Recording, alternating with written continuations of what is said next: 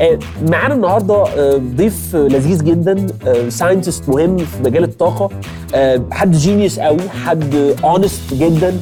آه، عايزين نسألك النهارده نقول لك how come الطاقة؟ يا man عشان تقدر تعمل طاقة محتاج تتنازل عن حاجات كتير قوي في حياتك. wow! يا man أنا لما دخلت المفاعل قلت لنفسي أنت هتخسر حاجات كتير قوي أوه. عشان تقدر توصل للطاقة الكبيرة دي وتبقى عارف إنك مش لازم تاكل. مش لازم تشرب مش لازم تنام. هل كنت بتخش ال toilet ما كانش في وقت. أنا ماشي بالإزازة دي. wow. أنا جوز خالتي عمل عقيقه ياسر ابنه من أسبوع ما رحتش عشان الكام ساعة اللي ما رحتش فيها دي actually أنا ولدت فيها طاقة. wow. أنا عايز أقول لك إن my best friend كان بيتضرب في المطرية وقال لي الحقني ما رحتلوش. of course عشان ما تضيعش وقت صح؟ لا لا. هو أنا بس عليا فلوس لناس المطرية فما أعرفش أنزل هناك. wow. أنا كل يوم معرض إن المفاعل ينفجر والكوكب كله يتدمر. بس I can do it risk no fun no makeup no filters في طرق كتير لتوليد الطاقة. تعمل خسائر أقل زي مثلا الاندماج النووي بين الذرات. ممكن نستخدم ده وتروح تشوف أهلك وتعمل حاجات كتير وتنبسط يا حبيبي. لا لا أنا هكمل. هفضل مكمل عشان أقدر أولد طاقة. حتى لو كان هينفجر مفاعل مني كل يوم. يا عم كفاية فرخطه بقى خلاص. يلا لم حاجتك. تعالى نرجع لأهلنا وننبسط. أوكي آه، أقنعني. what يلا بقى يا عم عايزين نروح. أنا هستأذنك. طب هاي هاي. البودكاست بتاعي. بودكاست بتاعك يا أخوي ده أنا جايبك علامات تلقين. تكمل لي جمل وبعدين ليه كل ما أجي أتكلم يطلع مزيكا ورايا والكلمات تطلع قدامي؟ في إيه؟ yes أنا كمان عندي نفس المشكلة. حتى بص بص بص بص بص بص بص. خلاص. خلاص. خلاص. خلاص بقى.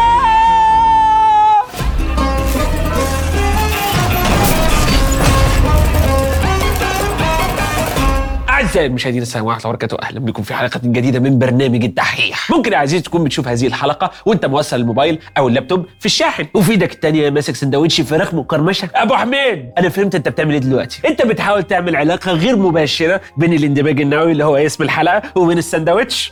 وطبعا متوقع إن أنا هاجي أفاجئك وأقول لك أهوج. اهو بقى يا عزيزي مش هقول لك إن أنت أهوج. بس أنت توقعت إن أنا هقول لك أهوج وأنت مش أهوج. يبقى أنت اهوج أنت صح يا عزيزي بس أنا هديك نص درجة بس. أنا يا عزيزي كنت بحاول أعمل علاقة بين تفاصيل المشهد نفسه. كل تفصيلة مهما كانت صغيرة تقدر ترجعها لحاجة واحدة بس. هذا السندوتش اللي يبدو أمامك بريء وغرضه الوحيد هو إسعادك. هو في الحقيقة لو تأملته شيء مكلف جدا. عشان يا عزيزي تجيب عيش بتحتاج تروح المخبز. والمخبز عشان يعمل رغيف العيش محتاج يحط العجينة في الفرن. والفرن ده بيشتغل بإيه بقى؟ بالغاز. وطبعا يا عزيزي عشان يعمل العجينة اللي إحنا هنسويها في الفرن دي محتاج يبقى معاه دقيق. وعشان يجيب هذا الدقيق محتاج يشتريه من المصنع. المصنع اللي محتاج ياخد القمح من الأرض ويعمله دقيق ويحطه في عبوات ويشحنه في عربيات. وطبعا يا عزيزي القمح اللي إحنا بنتكلم عنه ده جاي منين؟ جاي من مزرعه عزيزي مشاهد إحنا السهله اللي اتسحلناها دي كلها إحنا لسه بنتكلم على رغيف العيش بس. المشهد اللي حكيته لك ده أنت كنت قاعد فيه في شقة. الشقة دي كانت محتاج مطور عقاري يبنيها أصلا. والكرسي اللي أنت قاعد عليه متصنع. والموبايل اللي في إيدك عايز مكن عشان يصنع أجزائه. ومكن تاني يجمع الأجزاء دي على بعض. ومكن تالت يصنع المكن اللي بيصنع المكن. والشرط الأساسي في تحقيق كل هذه الأشياء يا عزيزي. الطاقة. ليه يا ابو حميد؟ الطاقة. مشكلة الطاقة يا عزيزي ليس في توفرها. الطاقة على قفا مين يشيل؟ موجود منها كتير. انت اللي ممكن يكون عندك قليل منها شوية بس العالم شغال وهناك طاقة كثيرة مش بس في العالم في الكون كله. قانون حفظ الطاقة اللي خدته في ثانوي. بسم الله الرحمن الرحيم. الطاقة لا تفنى ولا تستحدث من عدم. الفكرة بقى في إن إحنا نقدر نستعمل هذه الطاقة التي لا تفنى. إن إحنا نقدر نوظفها نمسكها كده ونقفشها ونوظفها ونستغلها في إن هي تحول هذه الطاقة إلى مجهود. لو أنت يا عزيزي تعبان ومرهق ومحتاج طاقة بتعمل إيه؟ بتاكل تفاحة تاخد منها طاقة وتبقى زي الفل. لكن يا عزيزي لو مفيش قدامك غير حتة حديد هتتعب وهتجوع وممكن تموت لأن أنت محتاج تاكل. جسمك بيقدر ياخد طاقة من حاجات معينة مش من الحديد صحيح أينشتاين بيقول لنا إن الحديد مليان طاقة لكن للأسف ما تقدرش تشحن جسمك بهذه الطاقة. ما ينفعش تشحن موبايلك بالتفاحة على ظهره. المشكلة يا عزيزي اللي عندنا كبشرية إن الطاقه اللي عندنا في كل حتة دي. إحنا محتاجين طريقة نقدر نستخلصها عشان تبقى مفيدة فعلا وليها استعمال حقيقي. الطاقة اللي العالم بتاعنا بيستعملها عشان يشتغل بالطريقة اللي هو شغال بيها كده بنعرف نجيبها من أكتر من طريقة. بس أكتر طريقة نستعملها كبشرية هي الوقود الأحفوري اللي هو البترول والغاز والفحم. 85% يا عزيزي من الطاقة اللي بنستعملها على هذا الكوكب جاية من البترول والغاز والفحم. 85 ثلاث مصادر غيروا شكل العالم القرن اللي فات وهم بشكل أو بآخر هم سبب التطور والتقدم بتاع العالم اللي إحنا عايشين فيه. ولكن يا عزيزي زي ما أنت عارف المصادر دي ممكن يبقى فيها مشكلتين. أول حاجة إنها مصادر محدودة وشوية وهتخلص مننا. غير كده هي بتنتج كم هائل جدا من التلوث. ممكن يقضي على البيئة. إحنا كده يا عزيزي عاملين زي اللي عايز يشحن موبايل فبيروح يولع في المصنع. حصل طبعا عبر التاريخ محاولات كتيرة للانتقال للطرق التانية زي مثلا الطاقة الشمسية. بس الحقيقة يا عزيزي مع كل الحماس اللي بيحصل ومحاولات التحول لاستخدام هذه الطاقة إحنا بنطلع من هذه الموارد أقل من 4% من طاقة العالم كله. إحنا لسه بعاد قوي. إحنا بنجيب طاقة من حرق الخشب أكتر من اللي بنجيبه من الطاقة الشمسية. والرياح مع بعض. طول عمرنا شغالين على ما يسمى بالكومباشن بنحرق بنحرق أشياء. طب يا أبو حميد مفيش أمل؟ انتظر يا عزيزي سوف آتي لك بالأمل. واحد من أهم الإنجازات البشرية في نظري. طلع الرئيس جو بايدن بنفسه يتكلم على هذا الإنجاز. في هذه الحلقة يا عزيزي هسرد لك واحدة من أهم الإنجازات والاكتشافات العلمية اللي حصلت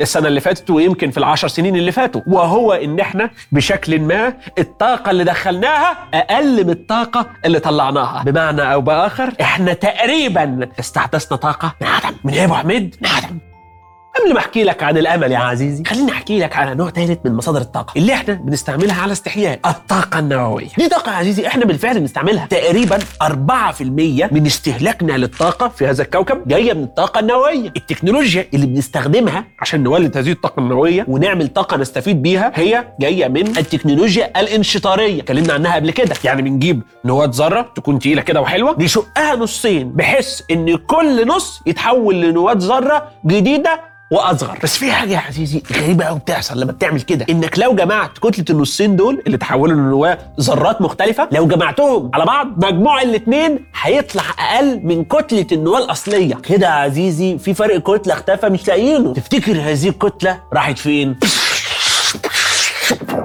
فرقعة طاقة فرق كتلة يا عزيزي تحول لكمية طاقة ضخمة جدا. طاقة. نقدر نستغلها في إن إحنا نعمل قنبلة نووية. أو لو إحنا في السلم منه فنعمل مفاعل لتوليد الطاقة. المهم يا عزيزي اللي عايزك تعرفه من الفكرة البسيطة اللي عرضتها دي هو إن الكتلة والطاقة وجهين لعملة واحدة. لأن الفيزياء النووية عشان تطلع طاقة مش بس معتمدة على إن أنت تقسم النواة نصين. وده يا عزيزي بان لنا من معادلة أينشتاين المشهورة E equal mc square إن الطاقة بتعادل الكتلة فأي كتلة تقدر تحولها لطاقة وأي طاقة تقدر تحولها لكتلة. إحنا لسه ما نقدرش نعمل كده بس نظريا الاثنين تقريبا نفس بعض. ولكن يا عزيزي اللي عايزين نتكلم فيه النهارده هو إن في طريقتين تقدر من الكتلة تطلع طاقة. أول طريقة هي الانشطار اللي إحنا اتكلمنا فيه من شوية. تاني طريقة بقالنا كبشرية بنبحث فيها أكتر من 100 سنة. فرع تاني من الفيزياء النووية غلبان وطيب وعمال يحفر في الصخر. الفرع التاني ده اسمه الإندماج النووي وهو ده اللي الناس شايفاه الأمل لمصدر طاقة نظيف وتقريبا لا نهائي. وبالأخص يا عزيزي اللي حصل السنة اللي فاتت. واحد يقول لي أبو عماد طب ما تقول لنا يلا على اكتشاف العلم العظيم ده هو. يا عزيزي وأنا جديد في اليوتيوب أنا قديم وعارف. أنت عايز تاخد المعلومة وتمشي انتظر. أنا شعري يا عزيزي وقع في اليوتيوب. أنا بقيت يوتيوبر مخضرم. خليني يا عزيزي أحكي لك القصة من أولها. سنة 1920 العالم فرانسيس ويليام وهو عالم فيزياء اكتشف إن مجموع كتلة أربع ذرات هيدروجين بيطلع أتقل شوية من ذرة الهيليوم. الحق يا معلم عندك فقد في الكتلة. وكل واحد يأمن على كتلته. عمك أرثر ادينجتون عالم فيزياء الفلك مسك في الكلمة دي. وقال لك هو ده هو ده اللي مشغل الشمس والنجوم. عزيزي المشاهد الجميل. عمرك فكرت قبل كده؟ هو انت أكيد ما فكرتش يعني بس بسأله كـ introduction اللي أنا هقوله يعني. بس الشمس بتجيب طاقة إزاي؟ الطاقة اللي الشمس عمالة تطلعها وتحرق فيها من مليارات السنين دي ولسه مكملة وشغالة. بتيجي منين الطاقة دي؟ في الحقيقة طريقة بسيطة جدا. قلب الشمس يقوم واخد أربع ذرات هيدروجين ويضغطهم على بعض فيعمل لنا ذرة هيليوم. لاحظت يا عزيزي؟ هنا الشمس عملت اندماج للنواه بتاعة الهيدروجين عشان تعمل لنا هيليوم. هيليوم كتلته أقل من الأربع نواة بتوع الهيدروجين. الكتلة اللي فاضلة دي راحت فين؟ الفرق ده يا عزيزي راح في الطاقة. طلعت طاقة. الطاقة هي اللي بتخلي الشمس بالشكل اللي هي عليه. شفت يا عزيزي يكون بسيط إزاي؟ ولكن يا عزيزي هناك تفصيلة صغيرة هي اللي صعبة في الموضوع ده. عشان نشرح الجملة البسيطة اللي أنا قلتها دي أربعة هيدروجين بواحدة هيليوم محتاجين نعدي على أكتر من خمس علوم خمس مجالات بحث عشان نفهم الكلام ده. وده تاني يا عزيزي ده عشان بس نفهمه مش عشان حتى نعمل زيه. خلينا عزيزي الأول نبدأ بالذرة. ما هي الذرة؟ الذرة عبارة عن نواة ليها شحنة موجبة في النص وبتدور حوالين النواة دي إلكترونات ليها شحنة سالبة. نواة الذرة دي يا عزيزي بتتكون من بروتونات ونيوترونات neutrons. بالمنطق كده عزيزي كل ما عدد مكونات الذرة يزيد كل ما وزنها يزيد. عشان كده يا عزيزي في الانشطار النووي بنستعمل اليورانيوم. أو البلوتونيوم. البلوتونيوم مثلا نواته فيها 94 بروتون. على عكسه حاجة زي الهيدروجين. النواه بتاعته فيها بروتون واحد بس. فده واحد وده 94 ده تخين ده كده يا أبو حميد بدأ atomic shame. عيب ذره يا عزيزي الهيدروجين حلوة وخفيفة وجميلة متوفرة في أي كشك أكتر حاجة موجودة في العالم. سهل جدا نجيب منها اتنين وندمجهم في بعض. لكن إحنا يا عزيزي في الحلقة دي محتاجين ندمج نواتين مش ذرتين يعني أول خطوة إحنا محتاجين نطلع النواة من الذرة. لو مش فاهم يا عزيزي كأنك بتاكل مشمشاية. إحنا هناخد البذرة من المشمش. بدل ما نرمي البذرة هنرمي الإلكترونات. إحنا عايزين النواة. نحط نواتين جنب بعض فيندمجوا ويعملوا طاقة. موضوع سهل جدا نظريا. بس فصل الإلكترونات عن النواة صعب جدا. إزاي نقدر نفصل الالكترونات عن النواه؟ خليني أسألك كمان سؤال. تعرف إيه عن حالات المادة؟ المادة يا عزيزي بتكون ثلاث أنواع. بنفكرك بمنهج. أساسيات العالم. يا صلب يا سائل يا غاز. solid liquid and gas الحقيقة يا عزيزي إن الفرق بين هذه الحالات ال solid وال liquid وال gas بسيط جدا. المادة الصلبة الذرات قريبة قوي من بعضها لدرجة إن مفيش مكان للحركة. دي الماده الصلبه كأنك واقف في المترو وزانق نفسك ومش عارف لا تخرج ولا تطلع. مزنوق. بس عزيزي بعد ما تعدي محطة الشهداء كل الناس هتنزل. فتبدأ المساحة تزيد شوية والزحمة تقل فيبقى عندك فرصة إن أنت تتحرك يمين وشمال. خطوات كده. دي يا عزيزي اسمها الحالة السائلة. الذرات بيبقى عندها مساحة من الحرية إنها تتحرك وتاخد شكل الوعاء اللي هي محطوطة فيه. حطيتها بقى في وعاء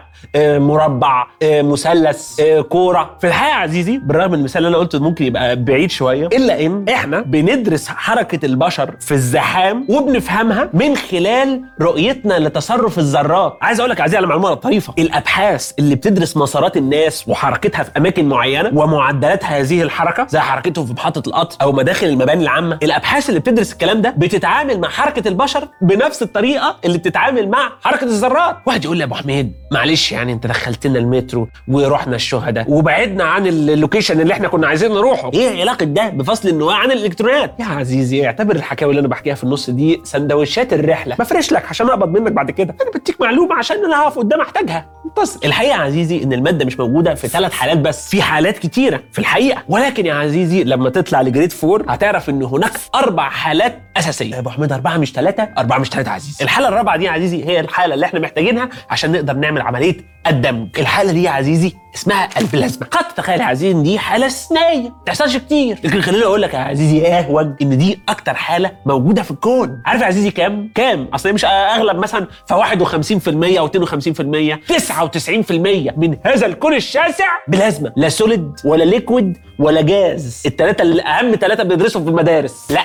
الاغلب بلازما واحد يقول لي يا ابو حميد لما هي مغرقه الكون وجابت 99% وتخش تب إيه؟ أنا مش شايفها ليه؟ ولا هي بخاف من الحسد؟ ولا هي بتتكسف؟ يا عزيزي انظر حولك. الحالة دي موجودة في كل حتة في الشمس والنجوم اللي كلهم بلازما غير دول يا عزيزي. فاكر تلفزيونات البلازما قاعد أنت عزيزي مبسوط لي بال LCD وال OLED ونسيت هذا الفصل الصغير من تاريخ صناعة الشاشات. اللمبة النيون يا عزيزي. شغاله بالبلازما خلينا لك. عشان تنقل مادة من حالة لحالة انت محتاج تشحنها طاقه ممكن تعمل ده بانك تعرضها لمجال كهرومغناطيسي زي مثلا اللي في الشاشة أو في اللمبة النيون أو مثلا لما بيحصل برد حل تاني عشان تقدر تحول حاجة من حالة معينة لحالة تانية. الحرارة عندك مثلا مكعب تلج في إيدك صلب ذراته لازقة في بعضها وواقفه في مكانها متصلبة. جرب يا عزيزي تسخنه. التسخين ده معناه إن أنت رحت للذرات كده واديتها طاقة فابتدت تتحرك أسرع ويقدروا يفلتوا من بعض فهنا المكعب الصلب بقى مية. سائل. تاخد يا عزيزي هذه المية وتسخنها أكتر. الذرات اكتسبت طاقة أكبر تتحرك بسرعة أكبر ومحدش عارف يوقفها وبدأت تتمرد على الوعاء اللي هي فيها. فالمية بقت بخار بقت غاز. مش عايزك يا عزيزي تستسلم سخن كمان. أبو حماد أنا كده هحرق الحلة. يا عزيزي اتقل ارجوك من دوس السياق العلمي. بعد ما تسخن الغاز اللي طلع من الحلة دي خلاص الحلة هتنفجر في وشك وتعمل لها مصيبة وأمك ما تخليكش تتفرج عليها تاني. فيا عزيزي أرجوك اللي هقوله لك بعد كده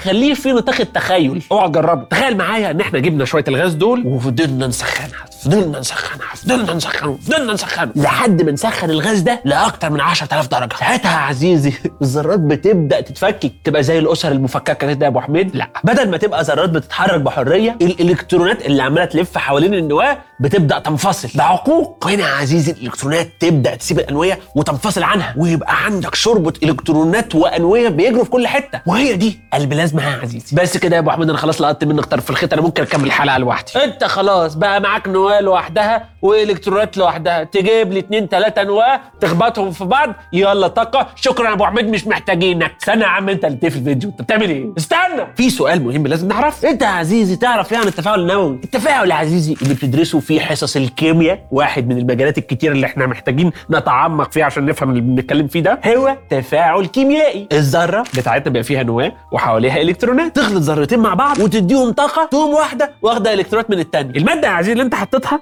بتتغير. تجيب أكسجين تحطه مع هيدروجين وهيدروجين يعملوا تفاعل كيميائي يعملوا لنا مية. أما التفاعل النووي كما يبدو من اسمه يعني بيحصل بين النواة ذات نفسها. ملوش دعوة بالإلكترونات إحنا مش عايزينها. ما تفرقش معانا في حاجة. والنواة اللي إحنا عمالين نتكلم عليها ببساطة كأنها واحدة صاحبتنا كده مش مجرد كورة جوه الذرة. زي ما قلنا بتتكون من بروتونات ونيوترونات. متجمعين مع بعض ولازقين في بعض بقوة كبيرة جدا. أقوى قوة في العالم. اسمها إيه يا أبو حميد القوة دي؟ القوة القويه إيه؟ القوة القويه على أساس أبو حميد بقى في قوة ضعيفة صح ولا إيه؟ بالمناسبة يا عزيزي هو قوة ضعيفة فعلا مش إفيه في قوة قوية وقوة ضعيفة. because creativity في التفاعل النووي يا عزيزي أنت محتاج تقرب نواتين من بعض قوي عشان تتغلب على القوة القوية دي وتعرف تبدل النيوترونات والبروتونات دي مع بعض. طبعا يا عزيزي الموضوع مش سهل لأن هناك مشكلة كبيرة. عشان يا عزيزي تقرب نواتين مع بعض لحد ما يتفاعلوا ده مش سهل يا عزيزي. ليه؟ لأن البروتونات إيه شحنتها موجبة. والموجب مع الموجب بيجيب الفقر. بيبعدهم ما بيحبوش يقربوا بيتنافروا. فاحنا يا عزيزي لازم نحط طاقة عالية جدا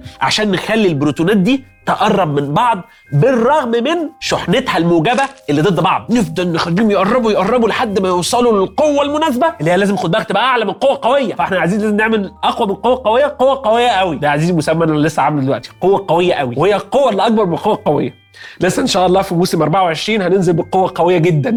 عشان يا عزيزي نوصل بقى للقوة القوية قوي دي والنواتين يتفاعلوا مع بعض ويعملوا هذا الاندماج. فإحنا يا عزيزي محتاجين نوصل لدرجة حرارة بتوصل ل 100 مليون تقريبا. وخد بالك يا عزيزي من الرقم؟ عزيزي أنت بتفرد مننا لما الحرارة توصل ل 40 لما الحرارة توصل ل 100 الماء بتتبخر. ما تعرفش تلمسها. تبقى يح. الاندماج النووي يا عزيزي بيحتاج 100 مليون. قبل ما تقول لي إيه يعني يا أبو حميد إحنا بنتكلم في طاقات أكبر من المية ويح. يا عزيزي خليني أقول لك أنت عارف جوه الشمس قلب الشمس اللي هي الحتة السخنة الملهلبة دي كام درجة؟ 15 مليون درجة بس. فأنت باللي بقوله لك ده محتاج طاقة توازي ست مرات تقريبا طاقة الشمس.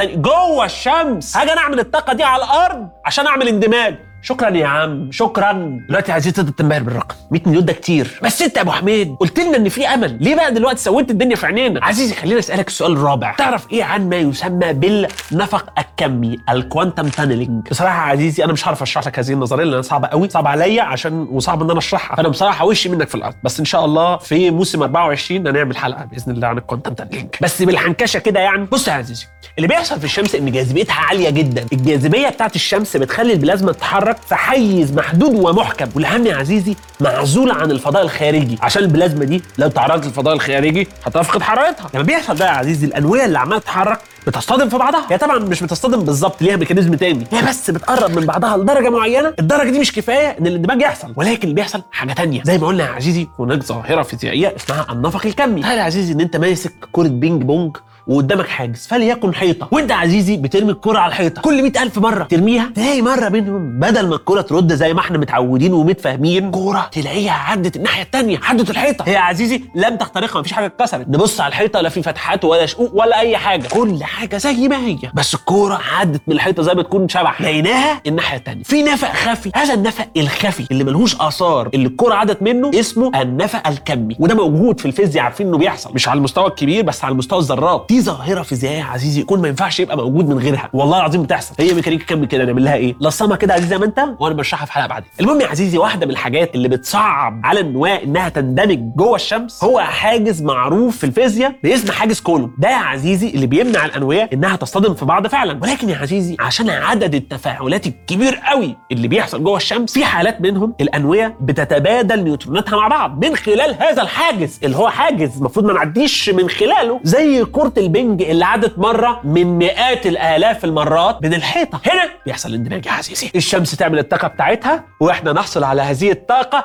البلوشي والكوكب يمشي والنباتات تصغرت والإنسان يكبر بقى ويعمل حضارة ويتطور علميا. وأول ما يكبر يعض الإيد اللي اتمدت له ويبدأ يسرق طريقه تفاعل الشمس ويكرر اللي بيحصل جوه الشمس. هنا على الأرض. يا إنسان ده اخص عليك يا انسان اخص. يعني أنا بقالي مليارات السنين بحرق في نفسي وأعمل لك دفا وطاقة وأعمل لك tan ومدخلة لك نور ما باخدش منك جنيه. ويا شمس يا شموسة خدي سنة الحمار وهاتي سنة العروسة. بتبعتني مشاوير ملهاش لازمة ليه؟ مهم تكبر. تكبر عليا؟ ماشي يا إنسان. براحتك. في الحقيقة يا عزيزي محاولات العلماء إن هم يعملوا هذه التكنولوجيا كلها كانت ناجحة. لا يوجد أي مشكلة في إن إحنا نكرر اللي بيحصل جوه الشمس على الأرض. في ناس يا عزيزي بتعملها في البيت عادي. في bloggers وقنوات على اليوتيوب بتعمل ده عملي. إيه؟ بيجيبوا عزيزي جهاز صغير ويعملوا فيه بلازما. وبيعملوا إيه؟ اندماج. إيه؟ والدنيا ماشية زي الفل. الله أمال إحنا يا أبو حميد فين الطاقة اللي هنغرق فيها؟ قبل يا عزيزي ما أقول لك فين المشكلة؟ خليني أوضح لك الصورة. يا أبو حميد خلاص بقى تعبنا يا عم استنى بقى خليني يا عزيزي أوضح لك الصورة. فكرة إن إحنا نعمل مفاعل اندماج نووي ده معناه ببساطة شديدة إن إحنا عايزين نعمل شمس صغيرة على الأرض. هنا يا عزيزي في مشكلتين. أول مشكلة إزاي تسيطر على البلازما؟ وإزاي تحكم هذا التفاعل في مكان معزول؟ الشمس بتاعتنا بتعمل ده باستخدام الجاذبية. الشمس كبيرة عندها جاذبية عملاقة مش بس بتشد نفسها بيها لكن كمان بتشد كواكب تسع كواكب أو ثمانيه بعد بلوتو الله يرحمه جاذبيه الشمس لا تقارب بالأرض خالص. ده معناه إن إحنا محتاجين نصمم علبة مقفولة كويس عشان تقدر تحكم هذا التفاعل. هنا يا عزيزي بتظهر المشكلة الثانية إيه المادة اللي هذه العلبة هتتعمل منها؟ بلاستيك ولا إزاز ولا مبنى كامل من الخرسانة ولا مبنى كامل من الحديد والصلب؟ عزيزي افتكر إن إحنا بنعمل اندماج نووي بنعمل طاقة من مادة. مفيش مادة نعرفها هتقدر تبقى ال box اللي بنحط فيه عملية الاندماج النووي بتاعنا مش هتستحمل. أي مادة هتلمس هذه الحرارة هتختفي في ساعتها. إحنا محتاجين يا عزيزي علبة مقفولة كويس بس مش معمولة من أي مادة. عشان كده يا عزيزي سنة 1958 في مؤتمر الأمم المتحدة الثاني تم الإعلان عن أربع تصميمات لهذه العلبة. أيوه يا عزيزي الكلام ده حصل في الخمسينيات. التكنولوجيا اللي بنتكلم عليها مش جديدة لهذه الدرجة. العامل المشترك بين هذه التصميمات اللي تم الإعلان عنها هو إنها بتعتمد على مجال كهرومغناطيسي يحيط بالتجربة ويحكمها في حيز محدود بحيث إن هو يحافظ إن لازم يحصل عدد معين من التفاعلات اللي تضمن حدوث الاندماج النووي. لأن إحنا زي ما قلنا الموضوع بياخد وقت كبير وتجارب كتيرة محتاجة تحصل عشان يحصل عملية ال tunneling دي ويحصل اندماج. وفي سنة يا عزيزي 1987 اتجمعت دول العالم الكبيرة القوية أوروبا واليابان وأمريكا والاتحاد السوفيتي. الناس دي قررت إن هم يمولوا تجربة مشتركة تتعمل في جنوب فرنسا اسمها ال ITER. خليني أقول لك يا عزيزي إن ده مفاعل اندماج نووي عملاق بدأوا فيه من 35 سنة. لأ وفين يا أبو حميد المفاعل ده؟ نروح نبص كده ونشوف الطاقة والدنيا بقى. عزيزي المفاعل ده لسه ما خلصش لحد دلوقتي. وميعاد انهائه عمال يتأجل. تخيل يا عزيزي الدول العظمى عندها deadline مش عارفة تلحقه بقى لها 35 سنة. وكل شوية أجلوه. أنا اللي عايزين حالك أحسن. بقول لي يا عزيزي الناس بتضغط عليك. الحقيقة يا عزيزي إن في الفترة الأخيرة بدأ الاهتمام بموضوع الاندماج النووي ده يزيد جدا لدرجة إن شركات خاصة ومستثمرين ابتدوا يحطوا فلوسهم فيه وده يرجعنا للسؤال بتاعنا لما إحنا فاهمين الموضوع كويس كده والناس أنت بتقول لي يا أبو حميد بيعملوه في بيوتها البلازما دي ودول العالم عارفة أهميته وعاملين مشروع بقى لهم 35 سنة شغالين فيه وربنا يكرمهم إن شاء الله والمستثمرين والقطاع الخاص مهتمين وبيحطوا فلوس فين ام الطاقة. تعبان! الإجابة هو إن لسه ما فيش. في يا عزيزي مشكلة جوهرية. التفاعل اللي إحنا بنعمله ده تفاعل محدود ومشكلته إن عشان نعمله يعني عشان نعمل بلازما ونعزلها بمجال كهرومغناطيسي ونزود الحرارة فالتفاعل بتاعنا يحصل. كل ده بيستهلك طاقة أكتر من اللي بتطلع من التفاعل نفسه. خسرانة. يعني إحنا لحد دلوقتي لسه بنصرف عليه طاقة أكتر من اللي بناخدها منه. إحنا عزيزي كبشر عايزين نعمل زي التجار. عايزين نكسب طاقة أكتر من اللي بنحطها فيه. نشغل الشغل. إحنا مش بس عايزين من التفاعل ده شوية طاقة زيادة. لا إحنا عايزينه يطلع طاقة أكتر من اللي بنديها له كتير جدا. كتير لدرجة إنه يكون كفاية إننا ناخد هذه الطاقة ونستفيد بيها. مش بس كده ده كمان يتبقى معانا طاقة تانية. نعيد التفاعل ده تاني وتفضل بقى الدورة شغالة. حرفيا زي الشمس. الشمس كده. الشمس بتطلع كميات مذهله من الطاقة والطاقة اللي بتجيلنا من الشمس دي ده ولا حاجة ده قليل قوي من اللي بيحصل جوه. الذرات متخانقة ومموتة بعض جوه فاتحين مطاوي والإلكترونات على الأرض. أي كلام أي كلام بيجي لنا عزيزي ولكن هذا أي كلام هو اللي عمل الحياة على كوكب الأرض. الباقي اللي لسه ما طلعش من جوه قلب الشمس بيفضل يعمل تفاعلات تانية مستمرة جوه. طبعا يا عزيزي ممكن تقف عند هنا ولكن زي ما قلت لك لسه في أمل. السنة اللي فاتت في 2022 مركز أبحاث فيدرالي أمريكي اسمه Lawrence Livermore National Lab هذا المركز يا عزيزي اللهم صل على النبي نجح في إنه يعمل اندماج بينتج طاقة أكبر من الطاقة اللي هم حطوها. يعني هم يا عزيزي حطوا طاقة عشان البلازما تتكون والتفاعل يحصل ونتج عن هذه التفاعلات طاقة أكبر. الله أكبر يا عزيزي والله عملوها الرجالة. أي نعم انت ما كنتش معاهم بس مش مشكلة. أخيرا هنعمل طاقة كتير. يا يا أبو حميد أنا مش مصدق نفسي. انتظر يا عزيزي لسه. إيه؟ لسه. هو إنجاز علمي مهم طبعا بس لسه. حتى الآن يا عزيزي الطاقة اللي خارجة من التفاعل أكتر من الطاقة اللي داخلة التفاعل. حلو. لايك ممتاز. لكن يا عزيزي لسه مش أعلى من تكلفة التشغيل بتاعة التجربة كلها. في الحقيقة إن أحلامك إن يكون عندنا طاقة لا نهائية نستعملها بدون حساب ده حلم ساذج. حتى يا عزيزي الاندماج النووي له حدود. وهذه الحدود مش بس مرتبطة بكمية الهيدروجين اللي ممكن نستخدمه أو أي تفاصيل جوه التجربة نفسها لكن ممكن يجي من مصدر تاني. مصدر لمشكلة تانية خالص أغلب الناس مش بتناقشها. مشكلة يا عزيزي موجودة في كل مصادر الطاقة سواء نظيفة أو مش نظيفة متجددة ولا مش متجددة. مشكلة يا عزيزي هي واسمع دي المعادن. عشان نعمل تحول حقيقي لأي مصدر طاقة تاني إحنا يا عزيزي محتاجين نصنع مكن ونصنع أجهزة. وعشان نعمل ده محتاجين معادن محتاجين نزود نشاط التعدين اللي هو أصلا بيستخدم 40% من استهلاكنا الحالي للطاقة. فأنت يا عزيزي عايز طاقة عشان تعمل معادن وعايز معادن عشان تعمل طاقة. إحنا يا عزيزي محتاجين نحرق العالم عشان نطلع معادن. نعمل بهذه المعادن أجهزة تساعدنا إن إحنا ما نحرقش العالم. دايره يا عزيزي أنت محتاج طاقة عشان تعمل معادن ومحتاج معادن عشان تعمل طاقة ما بتحتاجش معادن. بس أنا عزيزي من موقعي هذا حابب إن أقول لهم إن أنا عندي حل لهذه المشكلة. إيه؟ يا أبو حميد؟ لو أنت مشكلتك في المعادن استخدم ناس. هو مش ناس معادن. في الحقيقة يا عزيزي لو ما خدتش بالك أنا كنت بهزر معاك. ما ينفعش تستخدم الناس. بصراحة يا عزيزي حل هذه المشكلة ما زال غير واضح. صحيح الاندماج النووي نظريا لو تم هيفتح لنا مصدر كبير جدا من الطاقة ولكن يا عزيزي تذكر إن هذا المصدر ليس لا نهائي يعني محدود. الاندماج النووي لا يعتمد على أي هيدروجينية في الكون. ده آنف. بيعتمد على نوعين من أنواع الهيدروجين. نوع ذرته بيكون فيها بروتون ونيوترون والنوع الثاني بروتون واثنين نيوترون. النوعين دول يا عزيزي مش موجودين بنفس الوفرة اللي موجود بيها الهيدروجين العادي. ده عزيزي بتجيبه من السوق السوداء. غير كده يا عزيزي الاندماج النووي مش مصدر نضيف بشكل كامل لأن يا عزيزي بينتج عنه نفايات نووية. ممكن تسبب تلوث لو ما تعاملناش معاه كويس. صحيح. مخلفاته النووية دي نقدر نتحكم فيها ونسيطر عليها. ولكن يا عزيزي تاني هو مش امن 100% ومش نضيف 100% زي ما إحنا متخيلين. ولكن يا عزيزي مما لا شك فيه إن هو امن من النووي بتاعنا بكتير قوي. وكمان طبعا أنضف بكتير من البترول والغاز والفحم. وعلى الرغم يا عزيزي من كل الشرح اللي شرحناه ده حل المشكلة actually عندك انت. أنا أيوه انت. الحل يا عزيزي ببساطة في تقليل الاستهلاك. طبعا برضو مش كل الناس في العالم بتستهلك الطاقة بنفس المعدلات. الدول الأكثر ثراء عادة بتستهلك أكتر من غيرها. أعلى الدول في العالم في استهلاك الطاقة لكل شخص بتتضمن دول زي أمريكا وهولندا والنرويج. ولكن يا عزيزي زي ما قلت لك في أول الحلقة هناك أمل وهناك progress بيحصل في هذا المجال يخلينا فعلا متحمسين إن إحنا ممكن ندخل طاقة أقل بكتير من الطاقة اللي بيطلع ونستفيد من هذه الطاقة.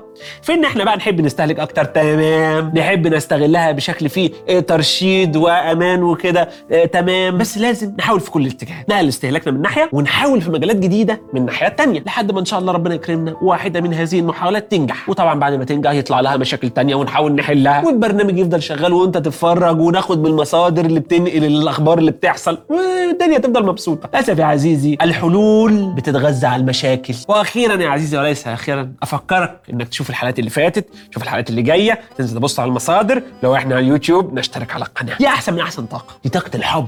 في النهاية يا عزيزي أنا عارف أنت قلقان شوية. عايز أطمنك على المستقبل العلمي لأن العلم فيزياء وكيمياء ورياضة وكلنا بإذن الله هنتراضى. هو مأكد لي. بجد يا أبو حميد؟ آه. كنت بجيبه من التمرين الصبح فقال لي كله هيتراضى. الفترة الأخيرة دي يا عزيزي كنت بحاول أندمج مع شخص معين كده يعني. آه، ولكن للأسف حاجز كله واقف في طريق. فلو حد بس معاه نفق كم يعديني ربنا يسترها معاكم شاكر جدا.